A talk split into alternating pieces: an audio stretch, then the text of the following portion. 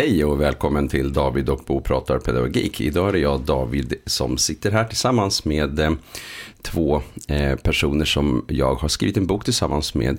Och det är eh, Kajsa Jan och eh, Malin Reuterswärd. Eh, vi ska prata om eh, den boken som då ganska nyligen har kommit ut och som heter Samtalsmetoder i skolan. Välkomna hit. Tack så mycket. Ehm, jag tänkte att eh, vi kan börja med att ni bara får berätta eh, lite eh, vilka ni är. För vi ska komma in på hur ni har jobbat med samtalsmetoder i skolan.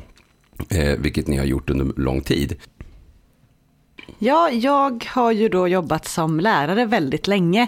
22-23 år. Mm. och under en stor del av den tiden så har jag jobbat med elever med autism just. Eh, så det är så jag har kommit in på banan med tydligare pedagogik som, som våra böcker handlar om. Och sådär. Eh, sen har jag också jobbat lite med coachning och rådgivning till föräldrar och skolor. Eh, just nu i pusselfamiljen. Just det, vad bra. Mm. Ja, och det gör vi ju tillsammans. Och vi gör ju nästan allt tillsammans, jag och Kajsa. Vi mm. jobbar i skola tillsammans och vi skriver böcker tillsammans och vi har pusselfamiljen tillsammans. Det är väl typ bara familjen vi inte har tillsammans. Men allt annat gör vi tillsammans. Och eh, nu har vi då skrivit den här boken om samtalsteknik och det är det vi jobbar hela dagarna med. Just mm. samtal i olika tekniker. Just det. Och vi ska prata om, eh, om det och gå in lite på olika typer. Eh, för att den här boken är egentligen en eh, vad ska man säga, fördjupning utifrån en bok som ni var med och skrev från början som hette Autism och ADHD i skolan. Och där vi också tillsammans sen har gjort det för andra områden. Eh, fritids och förskola och högre upp i eh, åldrarna också. Samt för familjer ju eh, i den här boken som heter Få familjen att funka. Men här har vi då fokus på ännu mera nästan lite handboksorienterad typ av bok. Eh, för att just ehm, jobba med olika typer av samtalsmetoder. Jag tänkte att vi skulle gå igenom eh, några för vi har alla möjliga typer av utav eh, arbetssätt som eh, ritprat och seriesamtal och sociala berättelser och sociala manus och samtalskort. Det är massvis med olika saker. Så jag tänkte att vi, vi ska gå igenom ett antal av de här och se hur kan man jobba med dem i verkligheten. Så jag tänkte att vi kanske skulle börja med eh, det här med ritprat och seriesamtal. Beskriv något, vad, vad, vad är det för någonting? Hur funkar det? Ja, men det funkar så, när, när, vi pratar med barn så gör vi det alltid med en penna i handen. Eh, och det är väldigt liksom eh, simpla saker, det ska inte vara svårt, utan det, det är streckgubbar och det är eh, pratbubblor som förtydligar helt enkelt vad som händer eller hur någon tänker eller vad någon säger med bild till ord. Och, och då är det ju lite olika, seriesamtal är ju lite mer strukturerat. Mm. Eh, att det är en viss ordning med de här serierutorna. Men det som, som vi använder oftast, det är bara ritprat, alltså att man ritar medan man pratar för mm. att förtydliga vad som sägs och vad som händer, vad någon tänker och vad någon känner. Just det, och vad är det för typ av bilder? Vad kan det handla om för någonting? Hur, hur komplicerat är det här liksom? Det är väldigt enkelt och det mm. handlar ju dels om att man ska förbereda inför något som ska hända. Eh, det kan vara en utflykt. Det kan vara ett besök eh, i klassen.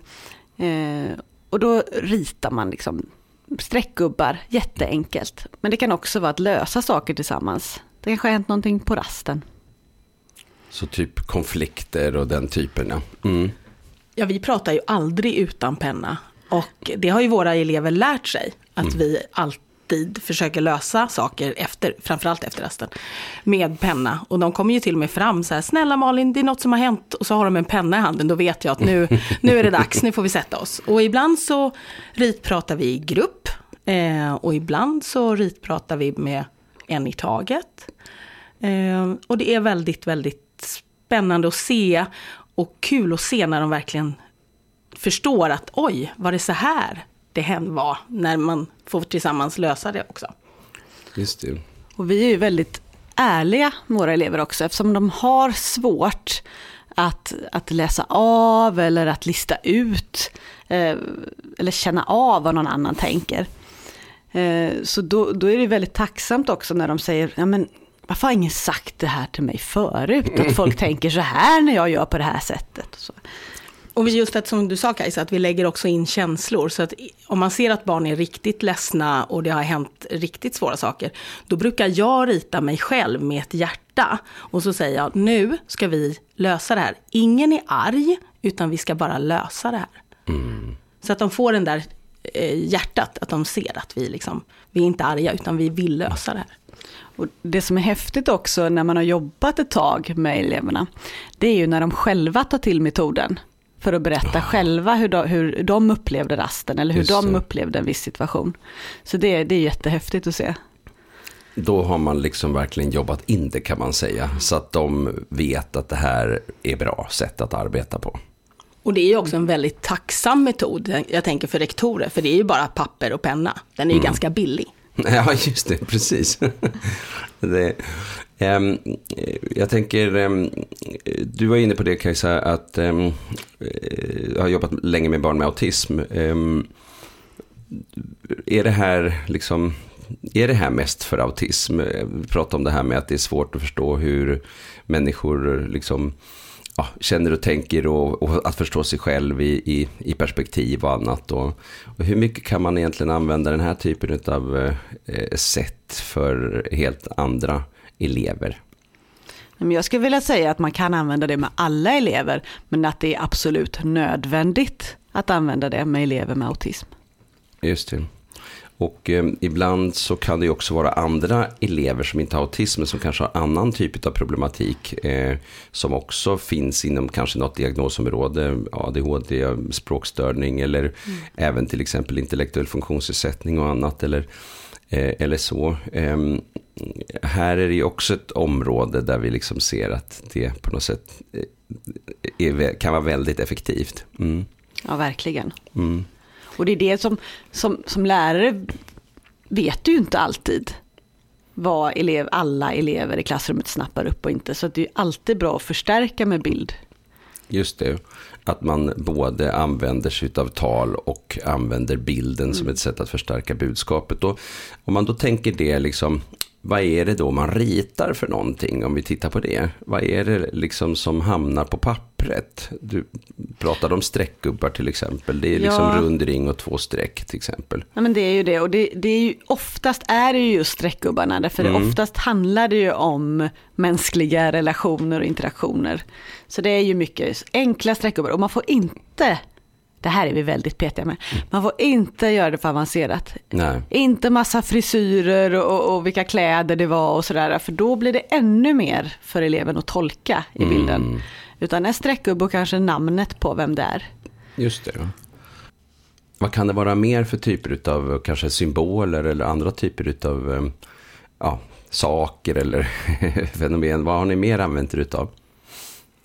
Det är ju, hos oss är det väldigt mycket hjärtan. Eh, mm. Vi vill ju verkligen visa att vi bryr oss om eleverna, vi vill bara att det ska gå bra för dem. Det säger vi också hela tiden. Men det kan ju också vara enkla saker bara för att visa, eh, alltså ett enkelt träd för att visa att det var utomhus eller en sol eller ett bord för att visa att det var inomhus. Och även, tänker jag, vi lägger ju in pratbubblor mm. för det mm. som sägs och mm. tankebubblor för det andra tänker. Men jag tänkte på en annan sak också som vi gör när vi, om de inte är riktigt bekväma med det här meritprat, för det är inte alla, det är ju lite svårt att börja. Särskilt men, kanske i början och sådär eller? Ja, och då mm. brukar jag så här, säga så här, är det okej okay att jag ritar medan vi pratar?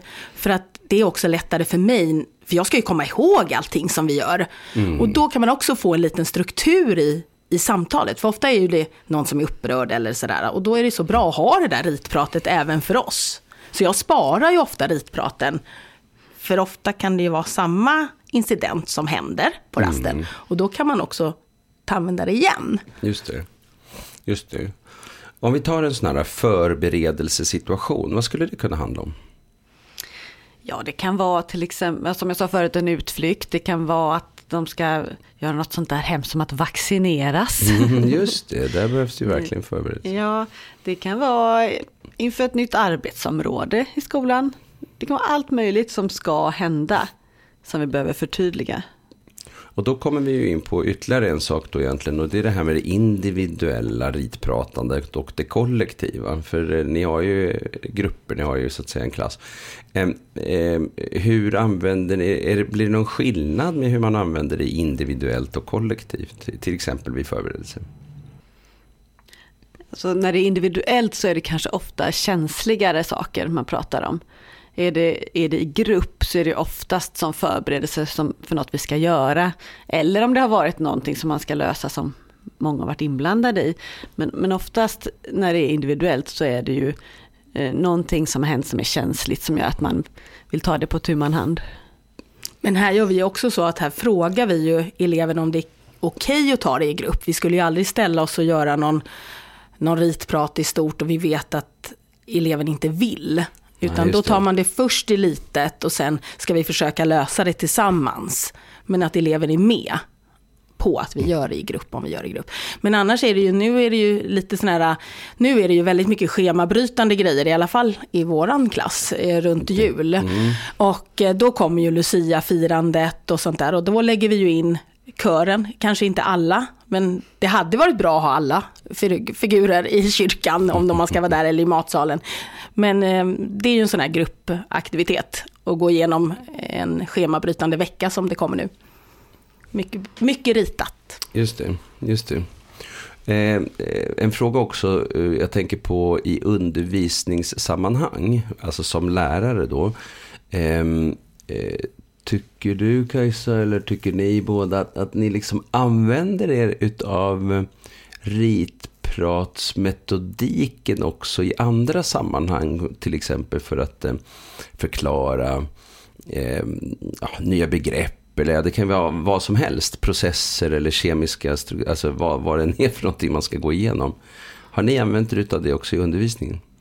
Så alltid vid genomgångar. Mm. Eh, och det, det är inte bara heller bild, utan det är bild och text man gör. Så att det, det är ju alltid vid genomgångar eller när man ska hjälpa en elev individuellt också. Så att, eh, det är matteproblem, ja. det är mycket lättare om du ritar upp vad det mm. handlar om. Så egentligen så kan man säga, kan man säga det att, eh, att det här med att hålla på att utveckla en, ett, liksom ett arbetssätt där pennan finns alltid med även i samtalen. Att det också i någon bemärkelse kan utveckla själva undervisningen någonstans också, eller? Det tycker jag absolut att det gör, för det tar tid innan man blir van vid mm. ritandet. Eh, för när vi började jobba med det här så, så var det inte självklart. Alltså det har krävts liksom träning. Mm. Eh, även om det inte är svårt att rita en streckgubbe. Men ju mer man tränar, som allt annat, desto bättre blir det. Och som vi sa förut också, det är ju inga konstnärliga färdigheter det handlar om, utan det är en vana att få in det. Och ju mer du använder det i, som förberedelse, ju mer du använder det i konflikthantering, så kommer det också in i undervisningen naturligt. Just det. Vi ska kika på några andra ehm, eh, typer av vad ska säga, metoder och, och sätt. Eh, jag tänker på det här med sociala berättelser. Eh, hur funkar det? Kan ni säga något om sociala berättelser? Och hur ni använder det? Sociala berättelser handlar om att förklara en situation för en elev. Och eh, det handlar om eleven själv. Eh, och då börjar man med att beskriva situationen väldigt objektivt också att eleven ska förstå att den handlar om den själv. Jag heter Lisa och är åtta år till exempel. Då förstår Lisa att det här handlar ju om mig. Eh, och så beskriver man situationen. Eh, man beskriver vad andra tänkte och kände när det här hände. Mm. Och sen ska du alltid avsluta med, och det här är jätte, jätteviktigt, för många elever får alltid höra vad de inte ska göra. Men här ska vi avsluta med hur man gör. Mm. Eh, och det är väldigt användbart och det är väldigt tacksamt att de får veta hur man gör. Är det då så att säga en process egentligen där man börjar skriva tillsammans med eleven och, och utveckla den här berättelsen? Eller har man skrivit allt i förväg och presenterar och läser upp den för eleven? Jag brukar göra det i förväg. Mm. Eh, det blir en väldigt lång process annars. Eh, så att jag brukar göra det i förväg och man läser den tillsammans flera gånger. Mm. Just det, och förslaget... Behöver man bara, sen behöver man bara peka på den här lappen. Så, ja, just det, det var ju så här det var. Jag tänker förslaget som presenteras på slutet, det vill säga vad man, vad man skulle kunna göra då, eller ska eller skulle kunna eller, eller skulle kunna vara smart att göra. Eh, måste ju då vara någonting som är möjligt för eleven att lyckas med. Eh, Ja. Tänker jag. Det måste ju vara väldigt viktigt att liksom känna av vad, vad är det för någonting som kan funka. Det ska ju avslutas med något som eleven kan klara av att göra. Och man kan också lägga till vad vinsten är för eleven att göra det. Ja, just det. Precis. Vad, vad är poängen så att säga och vad är vinsten för mig personligen? Just det. Just det. Mm. I något annat sammanhang där man använder sociala berättelser, det är en slags guidande berättelse för att eh, hjälpa en att förstå vad man kan ha för alternativa handlingsmönster än de som man hade. Det är väl lite så, tänker jag Ja. då. Att man, mm, mm. Just det. Finns det någon annan situation där, där det här är, är det liksom mest i konfliktsituationer det här? Eller finns det andra situationer när det här är viktigt? Nej, det behöver absolut inte vara konflikt. Det kan ju vara liksom, eh, saker man ska göra tillsammans som man vet att eleven kanske faktiskt vill vara med på fast har, brukar ha svårt för det. Eh, I skolan kan det ju handla om olika typer av, av sammankomster eller sådär. Så kanske man tycker det är jättehärligt och man vill vara med och det är mycket musik på skolgården men man tycker det är jätte för högt eller sådär. Eh, och så kan man liksom ge eleven strategier för att kunna delta. Mm. Vi har ett kapitel här som eh, handlar om det som man kallar sociala manus. Vad är det för någonting? Eh, sociala manus använder vi mer när vi, ja så de ska veta lite i förväg vad de ska säga. Eh, till exempel om man går till ja, slöjden, eh, att man sitter och väntar på sin tur och vad man, vad man kan göra eller säga när man är där. Eh, jag behöver hjälp eller ja, vara med en kompis eller vara ute på rasten. Eh, lite idéer vad man kan gör, säga när, det, när man hamnar i en situation som är lite stökig eller obekväm. Så det är egentligen ett sätt att eh, hjälpa till med någon slags formuleringskonst. Hur ska jag säga? Ja, och, och, och ge tips på det. Och man behöver ju inte, det kan ju vara flera tips på, på lappen, men att, att det här kan jag använda mig av om jag hamnar i en situation jag inte vet vad jag ska, vad ska, vad jag ska säga. Vi har ju använt det väldigt mycket just, vår, elever som vi har jobbat med har ofta haft väldigt svårt att be om hjälp på ett adekvat sätt. Så, så mycket hjälpkort så där har vi ju jobbat med. Eller ta kontakt på skolgården om jag vill vara med och leka. Vad, ska, vad är det jag ska säga? Mm. Just det. Eller när man förlorar i spel är också en sån där sak. Vad är lämpligt att säga Just när man det. förlorar och det, det brinner i huvudet. och det, då kan man ta fram det där. Just det. Så att det är egentligen ett sätt att förbereda sig också på vad, vad, vad kan vara vettigt att säga i de situationerna när man är riktigt upprörd. Ja, Man ska bara komma ihåg att ta upp kortet. ja. Mm, det precis. kan Så- ligga bredvid också från början. Är det där någonting som, eh, som jag, jag tänker på hur man är ju inte alltid så liksom eh, organiserad eller vad man ska säga när man är så arg. Så att man kanske liksom kommer på att just det, det där kortet. Finns det, hur gör ni där? Är det liksom, Då backar vi tillbaka till sociala berättelser och berättar hur man gör för att vara en god förlorare. För ofta är det ju samma mindre bra förlorare. Så då kan man ju börja på samma sätt som Kajsa gick igenom. Att när jag spelar spel så kan Just jag. Och då kan man sen lägga till ett, ett manuskort när situationen är där.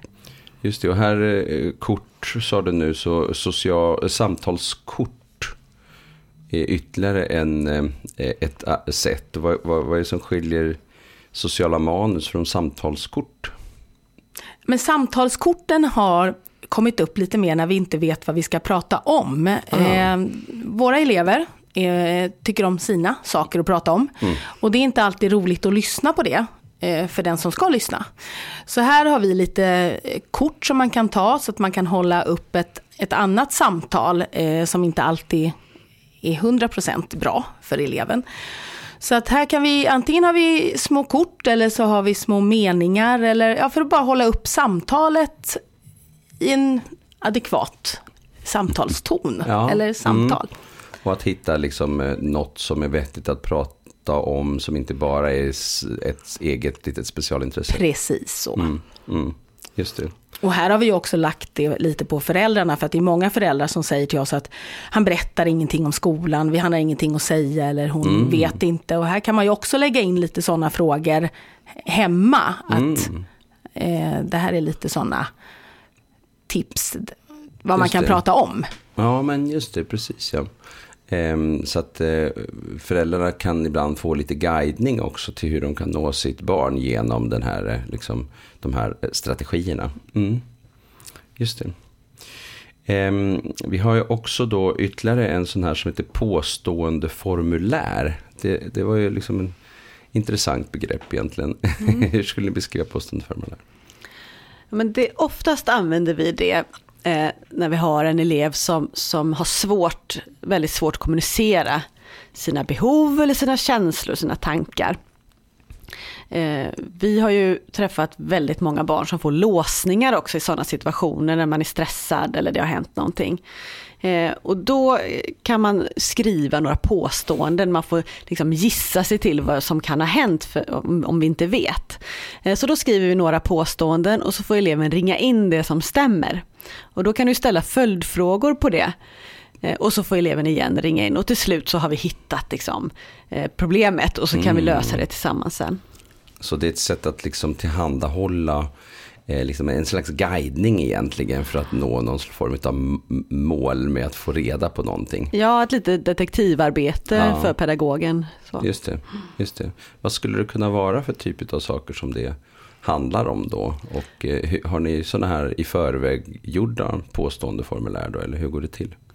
Nej, det hän- händer i stunden. Mm. För att det, oftast är det ju något oförutsett. För att Mm. om en elev får en låsning då till exempel, eh, då är det ju något vi har, missat i förberedelse eller sådär. Så då, då vet vi inte riktigt vad det var som utlöste det. Eh, ibland kan man ju ha en liten aning och då vet man ju precis vad man ska skriva. Eh, Man måste ju alltid ha en, ett påstående som är övrigt eller någonting annat också så att vi kan hitta då om det att vi, vi har inte hittat rätt påstående så att man kan ringa in annat och då får man hitta på nya. Mm. Okej. Ja, och eh, eh, då kommer vi in på ett annat område eh, som har att göra med det här med skalor. Hur har ni jobbat med skalor? Ja, men vi använder skalor ganska ofta faktiskt. Och det, det handlar ju om att kunna nyansera saker ofta. Mm. Eh, vi träffar ju många små människor som är svartvita tänkare. Eh, så vi jobbar jättemycket med till exempel termometrar. Eh, Malin är en fena på att tillverka sådana. Absolut. Eh, där man kan, det är en liten flörtkula man kan dra och ställa in. Är det på Mm. grönt eller är det på rött och sådär. Mm. Det kan handla om allt möjligt. Det, eftersom det är ofta väldigt onyanserat kan vi ha en elev som får, som får frispel och gråter hejdlöst. Eh, men det kanske var att strumpan satt fel eller sådär. Så kan man liksom, nu låter det här som att det har hänt något jätteallvarligt. Är det rött? Eller var, var är vi någonstans? Och, Nej, det kanske var här på, på gult eller Mm. så. Eh, Så det, kan, det, det hjälper eleverna att analysera och reflektera över situationen. Men det här är också någonting som man måste träna med dem. För att bara sätta dit en termometer till en elev, det är inte det, är inte det lättaste heller. För de har ingen aning om var de ska sätta den. Utan här får man ju börja med lite sånt där ja, potatis eller pasta. Eh, man måste börja på en annan nivå så att de får upp det där tänket. Det. Eh, eh, nyanserat. Så att eh, när man får nya elever så brukar de få varsin termometer och så eh, frågar jag efter rasten hur den har varit. Eh, där brukar det ofta vara grönt. Sen går jag igenom något, då blir det direkt rött. Och då måste vi se om det verkligen är så. Så att vi jobbar ganska mycket i början av en termin eh, just med skala. Så att vi får, får lite nyanserade känslor. Och, och röd, gul, grön. Eh, är det den vanligaste skalan som ni använder? För det finns ju många varianter med siffror och tumme upp och smileys och allt vad det är för någonting. Det är den vanligaste, men, men till äldre elever använder vi ofta 1-10 skala. Eh, till, till yngre elever eller elever med väldigt stora svårigheter så kan man bara ha tumme upp, tumme ner eller att det bara är två olika eh, alternativ.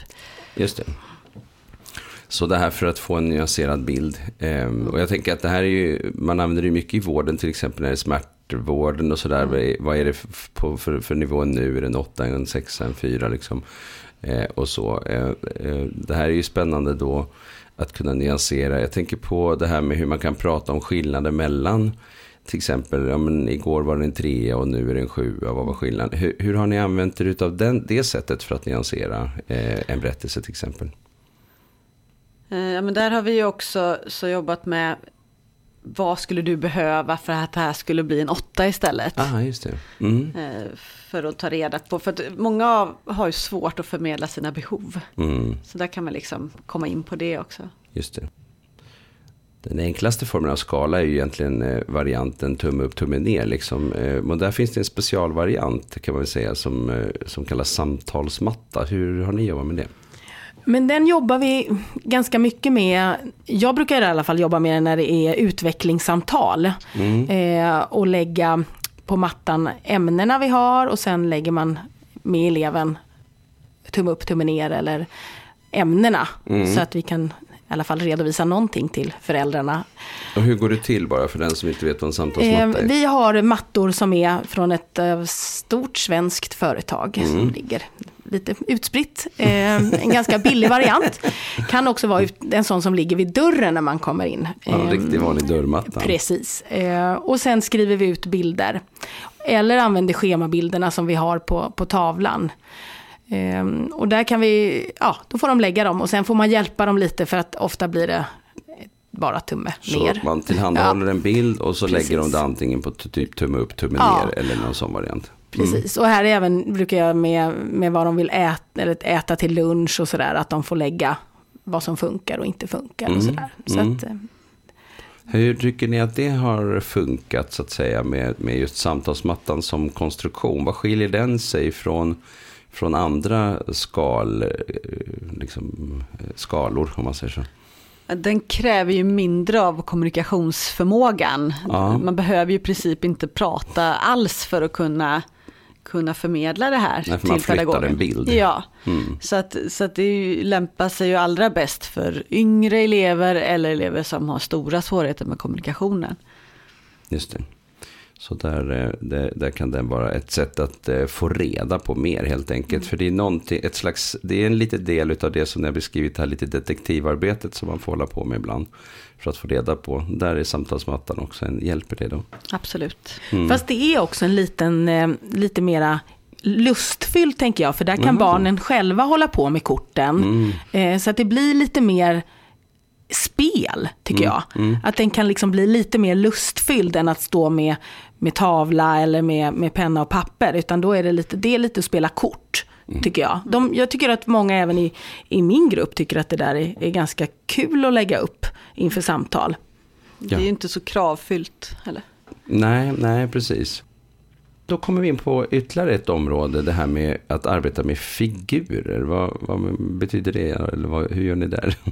Men David, här är ju du en av dem som har talat om för oss att det är jättebra att prata genom en figur. ja, men eh, sen har vi, vi på något sätt skojat fram det där att det faktiskt är lättare att prata genom en, en figur. Mm. Det blir verkligen inte så kravfyllt. Och, och um, de tycker det, i alla fall i min grupp, så tycker de att det är ganska kul. Ja, vad har ni eh, för figur då? Men, liksom, hur gör ni? Vi har alla figurer. Jag har haft en, eh, också, det är ett danskt företag som bygger små klossar. Ehm, det har jag en hel, ja, en liten, liten grupp faktiskt på mitt skrivbord som, som får följa med ut och prata eh, efter en låsning eller vara med och förklara ett mattetal eller det är lite lättsamt. Det blir lättsamt att prata igenom en figur. Eh, och hur gör du då? Det är nästan lite teater så du håller Det är mycket teater. Mm. Eh, och sen lockar jag fram lite om de har varit med i något annat först. Eh, den här lilla plastfiguren oftast. Eh, och så kan vi locka fram lite samtal i det. Och så, så kan man lösa upp lite som har hänt. Och vill du att han ska stå kvar här på din plats medan jag går och tittar till någon annan elev? Ja, tack. Och sen så, så står de där på, på någon liten bänk då och då. Mm, så mm. jag tycker att det är en jättebra metod faktiskt. Mm. De kan ju också vara med i skolarbetet, att mm. lilla figuren visar ett svar och sådär. Mm. Eh, på hundrarutan ska vi inte prata om. Där är det ju många små figurer som, som hoppar fram. Med Vad är, lite, vad är hundrarutan? men på matte när vi räknar så har Mm. vi den på en liten, eh, en, en, en ruta med 100, upp till 100, där man då räknar på. Där är Hur ska man annars veta vad man är om man inte har en figur som hoppar på den? Precis så. Nej, men så de här figurerna har blivit väldigt populära. Jag har också en korg med, med läsdjur. Ehm, Vad är det? Ja, det är en liten, det är min dotters och även Kajsas dotter har väl hjälpt till och vi har väldigt mycket djur faktiskt. Nej men som ett litet sällskap, antingen vid högläsningen, då har man ett litet sällskap att bara hålla i, eller så får de läsa för djuret. Eh, men ett sällskap i olika situationer. Men just läsläxa har ju varit en väldigt lätt match när de tar du en läshund så läser du för, för läshunden så kommer jag sen. Ja, men jag tycker de tycker det är härligt med lite roliga saker. Ja, men Ja. också att vi, vi pedagoger visar att det är okej. För jag tror att det liksom släpper också på att de, det är okej att ha ett liten filur i fickan eller en, ett, ett gosedjur. Det blir mindre krav också när man ska ha olika dialoger, i till exempel när man läser språk eller svenska, så där, att man ska ha dialog. Och då kan ju två små figurer prata med varandra istället. Eh, som ett litet rollspel, om man ska för säga. att man själv pratar så pratar man också eleverna genom Ja. en figur. Ja, mm. Och då, då släpper lite av kraven, det blir lite mer lekfullt. just det.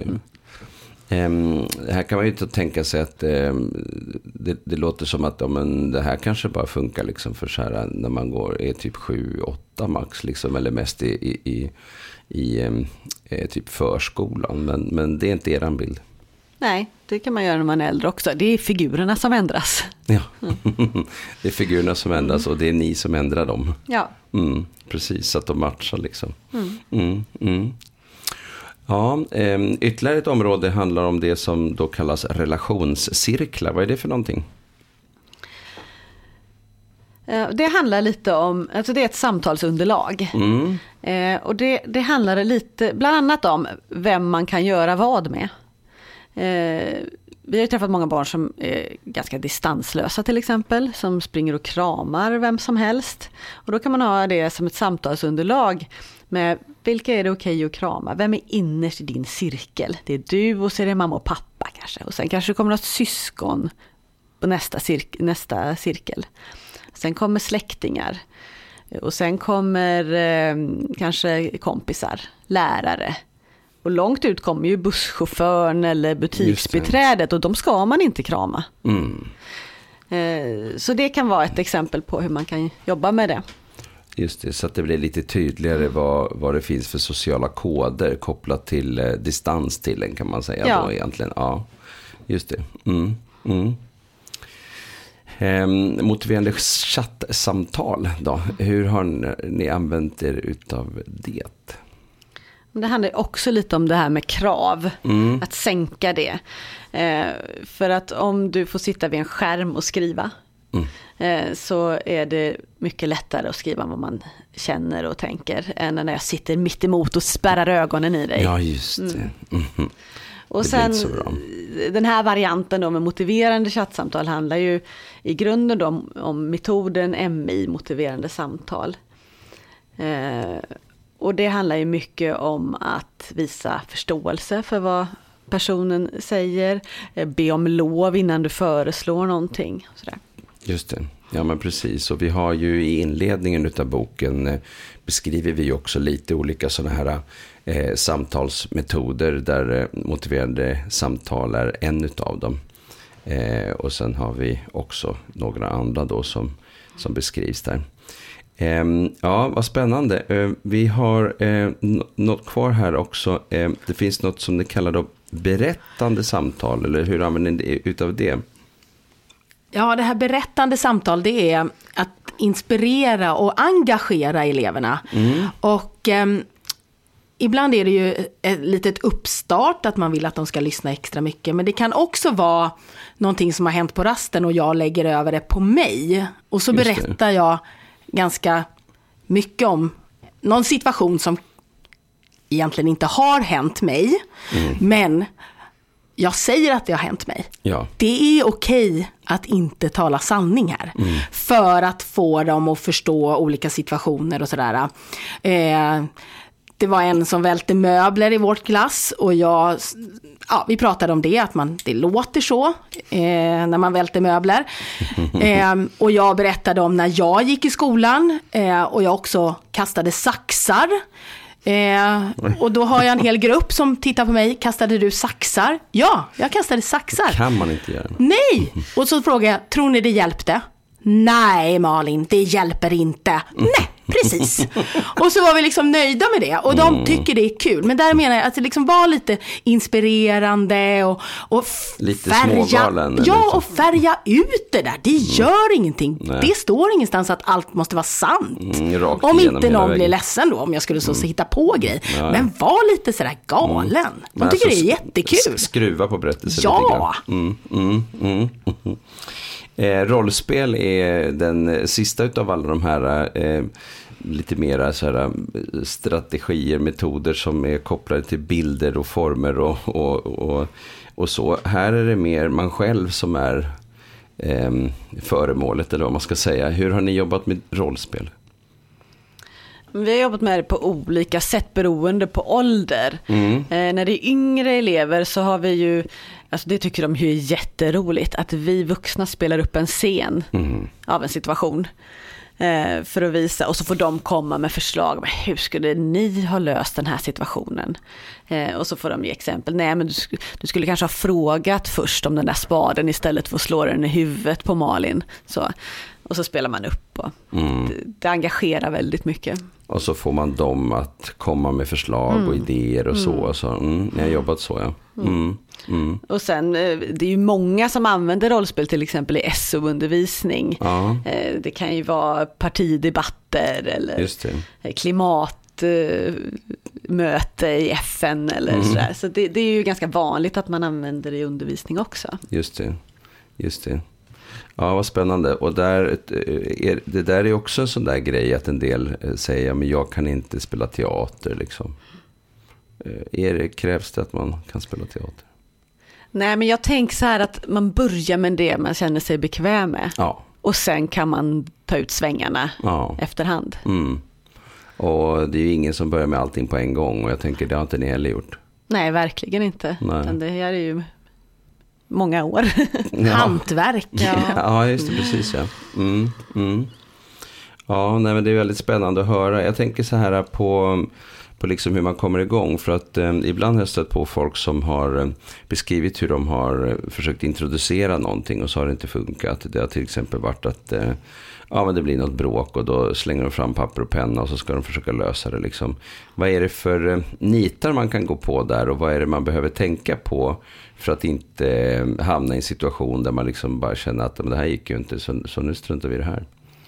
Alltså en av de viktigaste sakerna är ju att visa respekt för den du samtalar med. Mm. Eh, därför att om du bara ska använda det för att säga till eller tillrättavisa, eh, då kommer inte eleverna vilja fortsätta att samtala med dig.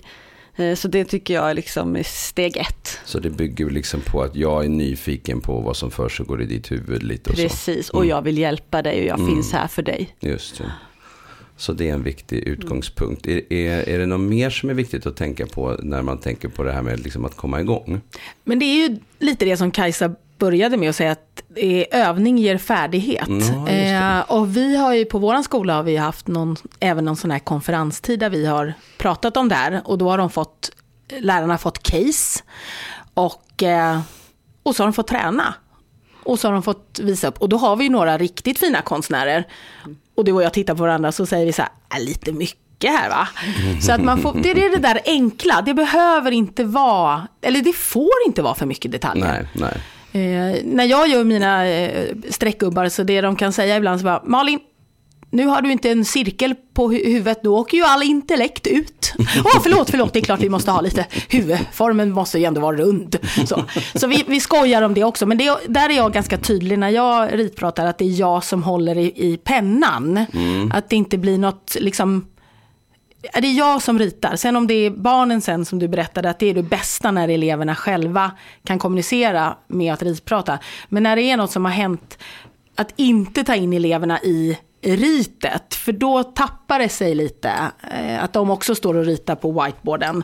Utan att det är, en, det är vi som ska hjälpa till här. Det är, det är struktur. Liksom. Just det. Att man börjar i den änden. Vad, vad är liksom den största egna resan som ni själva känner att ni har gjort när ni började använda er av den här typen av eh, arbetssätt med olika samtalsmetoder? Men jag tror att det som vi började med var just ritprat. Mm. Och det som vi använder allra mest fortfarande är ritprat. Mm. Alltså det, det eh, visade sig så snabbt att det är en sån stark kraft. Eh, Så det, Mm. Ja, det går, jag tror att vi ritar mer än vad vi förstår. Vi Mm. gör ingenting utan penna. Mm. Eh, så att det är, det är jätte, ett jättebra stöd. Och sen också eh, fotografera gärna det du har ritat på tavlan så att du har kvar det. För ofta är det ju samma ja, händelse som ska upprepas ett par gånger innan det slutar. Så att eh, fota och dokumentera och, och rita igen. Just det. Viktigaste rådet då till den som ska dra, börja komma igång. Bara just det här med att komma igång. Vad är det? Ja, det är väl att, att, att våga just prova sig fram. Eh, och vara snäll mot sig själv också. Äh, det blev inte så bra den här gången, det går bättre nästa gång. Så att man verkligen eh, förstår från början att det här kommer kräva lite träning men det kommer löna sig i längden. Mm. Vi stannar där. Tack så jättemycket för att ni var med och vad kul det har varit att göra den här boken. Jag ska bara säga en sak avslutningsvis också. Det är ju att eh, Eh, nu påbörjas ju då ett arbete med att göra en förskolevariant och så småningom en föräldravariant av det här. Och det känns ju också väldigt spännande. Tack för att ni var med. Tack så mycket. Tack.